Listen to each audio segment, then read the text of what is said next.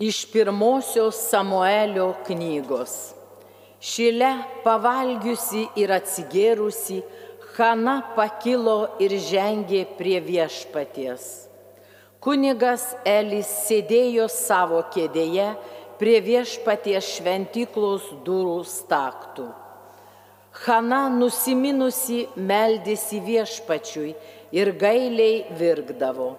Padarė įžadą sakydama, kareivijų viešpatie, jeigu meilingai pažvelgsi į savo tarnaitės nelaimę, jeigu mane prisiminsi ir savo tarnaitės neužmirši, jei dovanosi man sūnų, tai aš jį visam gyvenimui paskirsiu viešpačiui.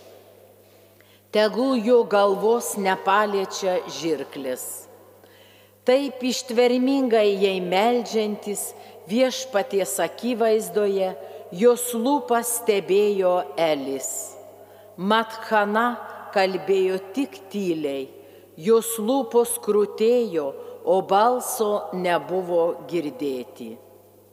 Tadėlis palaikė ją pasigėrusią ir pareikalavo, ar tu dar ilgai taip elgsies, kaip pasigėrusi, išsiblaivykgi.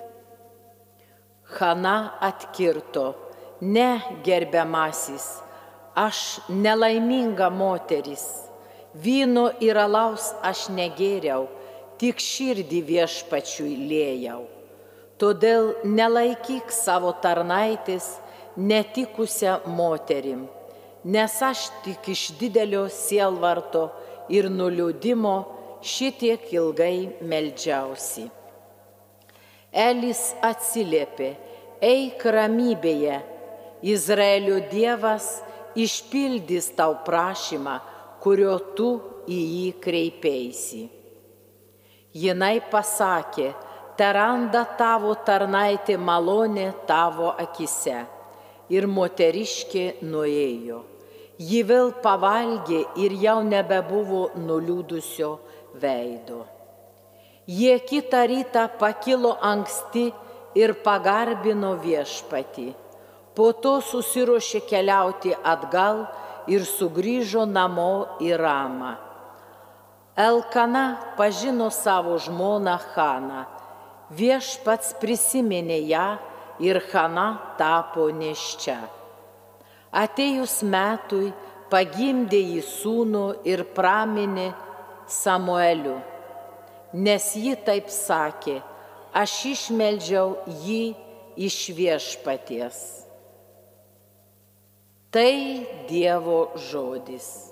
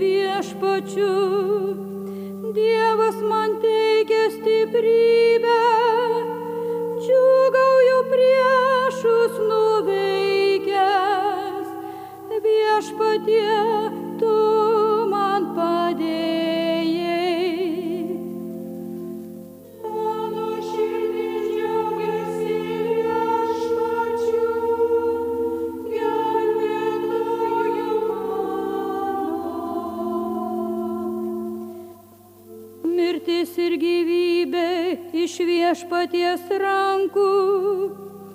Mirties viešpatėjo nuvedęs iš jos ir gražina. Tai viešpats padaro vargšų ir turtingų. Jis žmogų pažemina, jis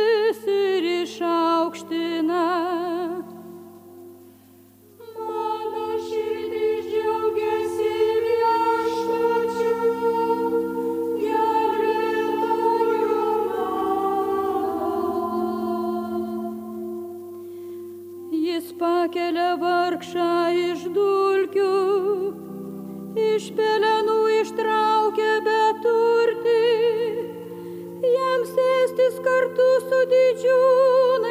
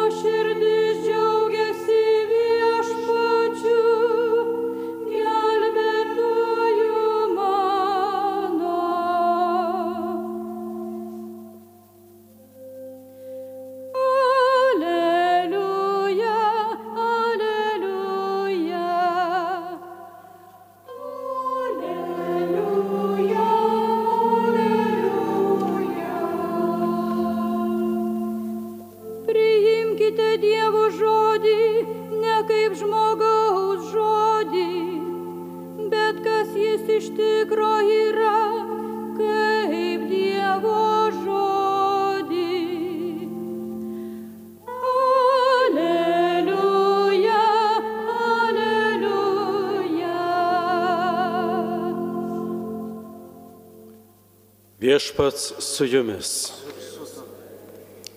Iš Šventojios Evangelijos pagal Morku. Kafarnaume šeštadienį, nuėjęs į sinagogą, Jėzus pradėjo mokyti.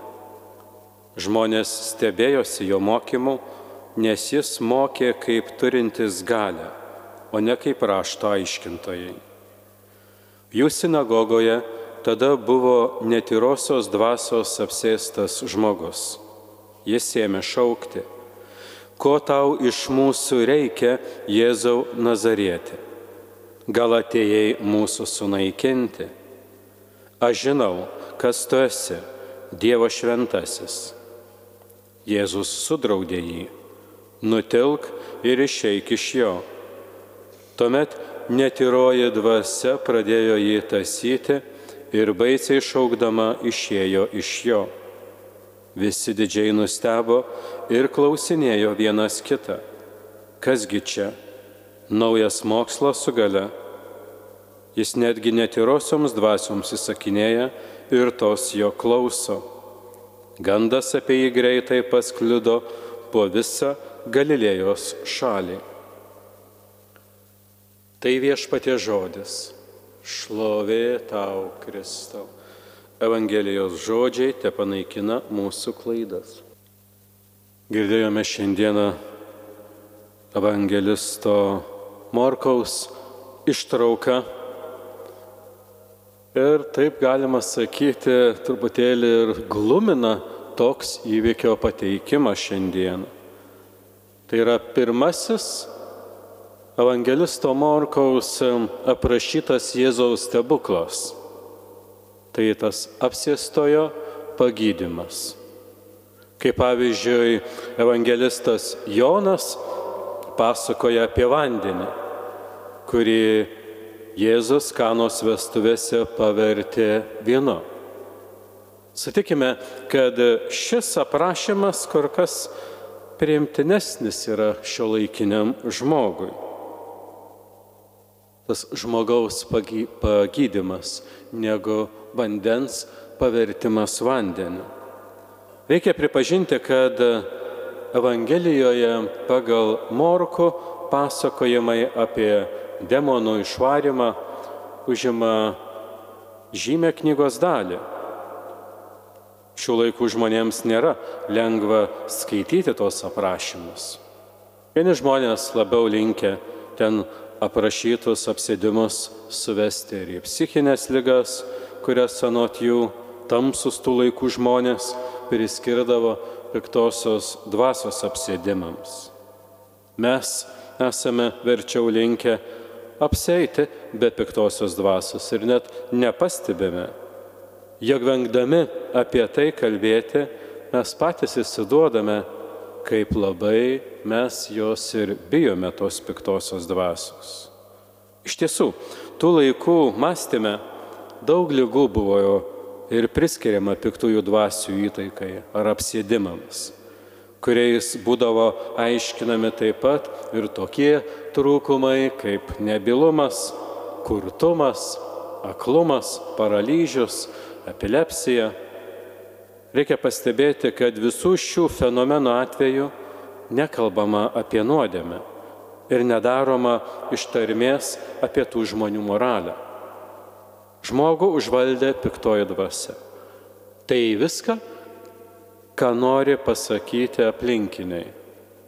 Jėzus be abejonės taip pat nepaneigė tokio mentaliteto, kartais net sudarydamas įspūdį, jog pats laikosi šio požiūrio. Jis gydydamas apsėstuosius tarsi parodo, kaip Dievas žvelgia į žmogų. Prieš viešpati stovi žmogus, kuris jau nebėra pačiu savimi, nes jo siela yra užvaldyta, yra užva, užvaldė kitokią galybę. Tai netvarka, kurią būtina pašalinti. O žmogus juk yra sukurtas būti laisvu. Žmogus jisai privalo būti laisvas. Tame nelaimės ištiktame žmoguje Jėzus mato slypinti priešą, kuris stoja prieš Dievą ir naikina žmogų, trokšdamas pasiimti savo tai, kas iš tiesų priklauso Dievui. Piktojo išvarimas tokiu būdu tampa kūrinio sugražinimo kuriejui. Netiroji dvasia privalo išeiti, kad jos užvaldytas žmogus savo ruoštų taip pat galėtų išeiti iš tos dvasios kalėjimo, atradęs vidinę harmoniją ir vientisumą. Žmogaus kelionė pas Dievą prasideda nuo piktųjų dvasių išėjimų. Ir šiandien mes girdime žodžius, ko tau iš mūsų reikia, Jėzau, Nazarietė. Gal atėjai mūsų sunaikinti. Tie žodžiai skamba iš piktosios dvasios apsėsto žmogaus lūpų ne kažkokiuose nepasiekiamuose toliuose, bet čia pat, sinagogoje, toje bendruomenėje, negi sakyčiau, kiekvieno žmogaus viduje, mūsų širdyse pasigirsta mūsų tokių įvairiausių demonų balsai. O šiandien jis kalba apie tikėjimą, pripažįsta, kad Kristus yra tas Dievo sunus, tačiau neretai tai yra ir netyrosios širdies aidas. Ko tau iš mūsų reikia? Šis klausimas tai yra pirmasis toks veidmainingo tikėjimo požiūris. Mes žinome, kad Kristus nori būti su mumis. Jis trokšta gyventi mūsų žodžiuose, mūsų darbuose, mūsų žvilgsnėje, mūsų jau jausmuose, mūsų kelionėse, visur ten, kur mes esame. Tačiau atsisakome atsiliepti šį troškimą, nes nenorime ir bijome atsivertimo. O mūsų uždaras vidinis pasaulis nėra, prisi, nėra pasirengęs priimti to dieviško apkabinimo. Tai tikėjimas be švelnumo ir šilumos, kuriame nėra noro nei įsipareigoti, nei ką nors nuveikti, kuriam stinga konkretumo. Tikėjimas nusakomas tik žodžiais, kuri, kaip girdėjome Evangelijos ištraukoje, sugeba pasireikšti ir piktoji dvasia. Mes taip pat save vadiname tikinčiais, tačiau su viena gal garsiai ir neišsakoma sąlyga, kad pats Kristus pakeistų mūsų gyvenimą nereikalaudamas iš mūsų tame pasikeitime dalyvauti ir jam įsipareigoti. Gal atėjai mūsų sunaikinti. Tai tas antras požymis apibūdinantis negarbingą ir nesažiningą tikėjimą. Demono užvaldytas tikėjimas visuomet jaučia Dievą kaip savotišką žmogaus priešą, naikinantį jo laisvę. Tada Dievas įsivaizduojamas kaip tas, kuris atima, o ne kaip tas, kuris dovanoja. Jis žmogaus vaizduotoje tampa kažkuo, ką mes esame priversti aukoti savo pačių geriausiąją dalį. Tikintysis valdomas netyrosios dvasios visuomet savo santykėje su viešpačiu suvoks, kaip gyvenimo kokybė suprastėjama. Vietoje to, kad priimtų tai kaip galimybę geriau suvokti patį gyvenimą, kurį Dievas jam dovanoja. Ir vis tik tai tuose žodžiuose gal atėjai mūsų sunaikinti, mes galime išvelgti ir dar vieną tokį teigiamą pamokymą. Kristus atėjo sunaikinti mūsų tokio prisitaik, prisitaikėliško, įteisinto ir pateisinto susigyvenimo su blogiu, mūsų pačiu abejingumu, mūsų kaukėmis ir melagystėmis pridengto pasaulio.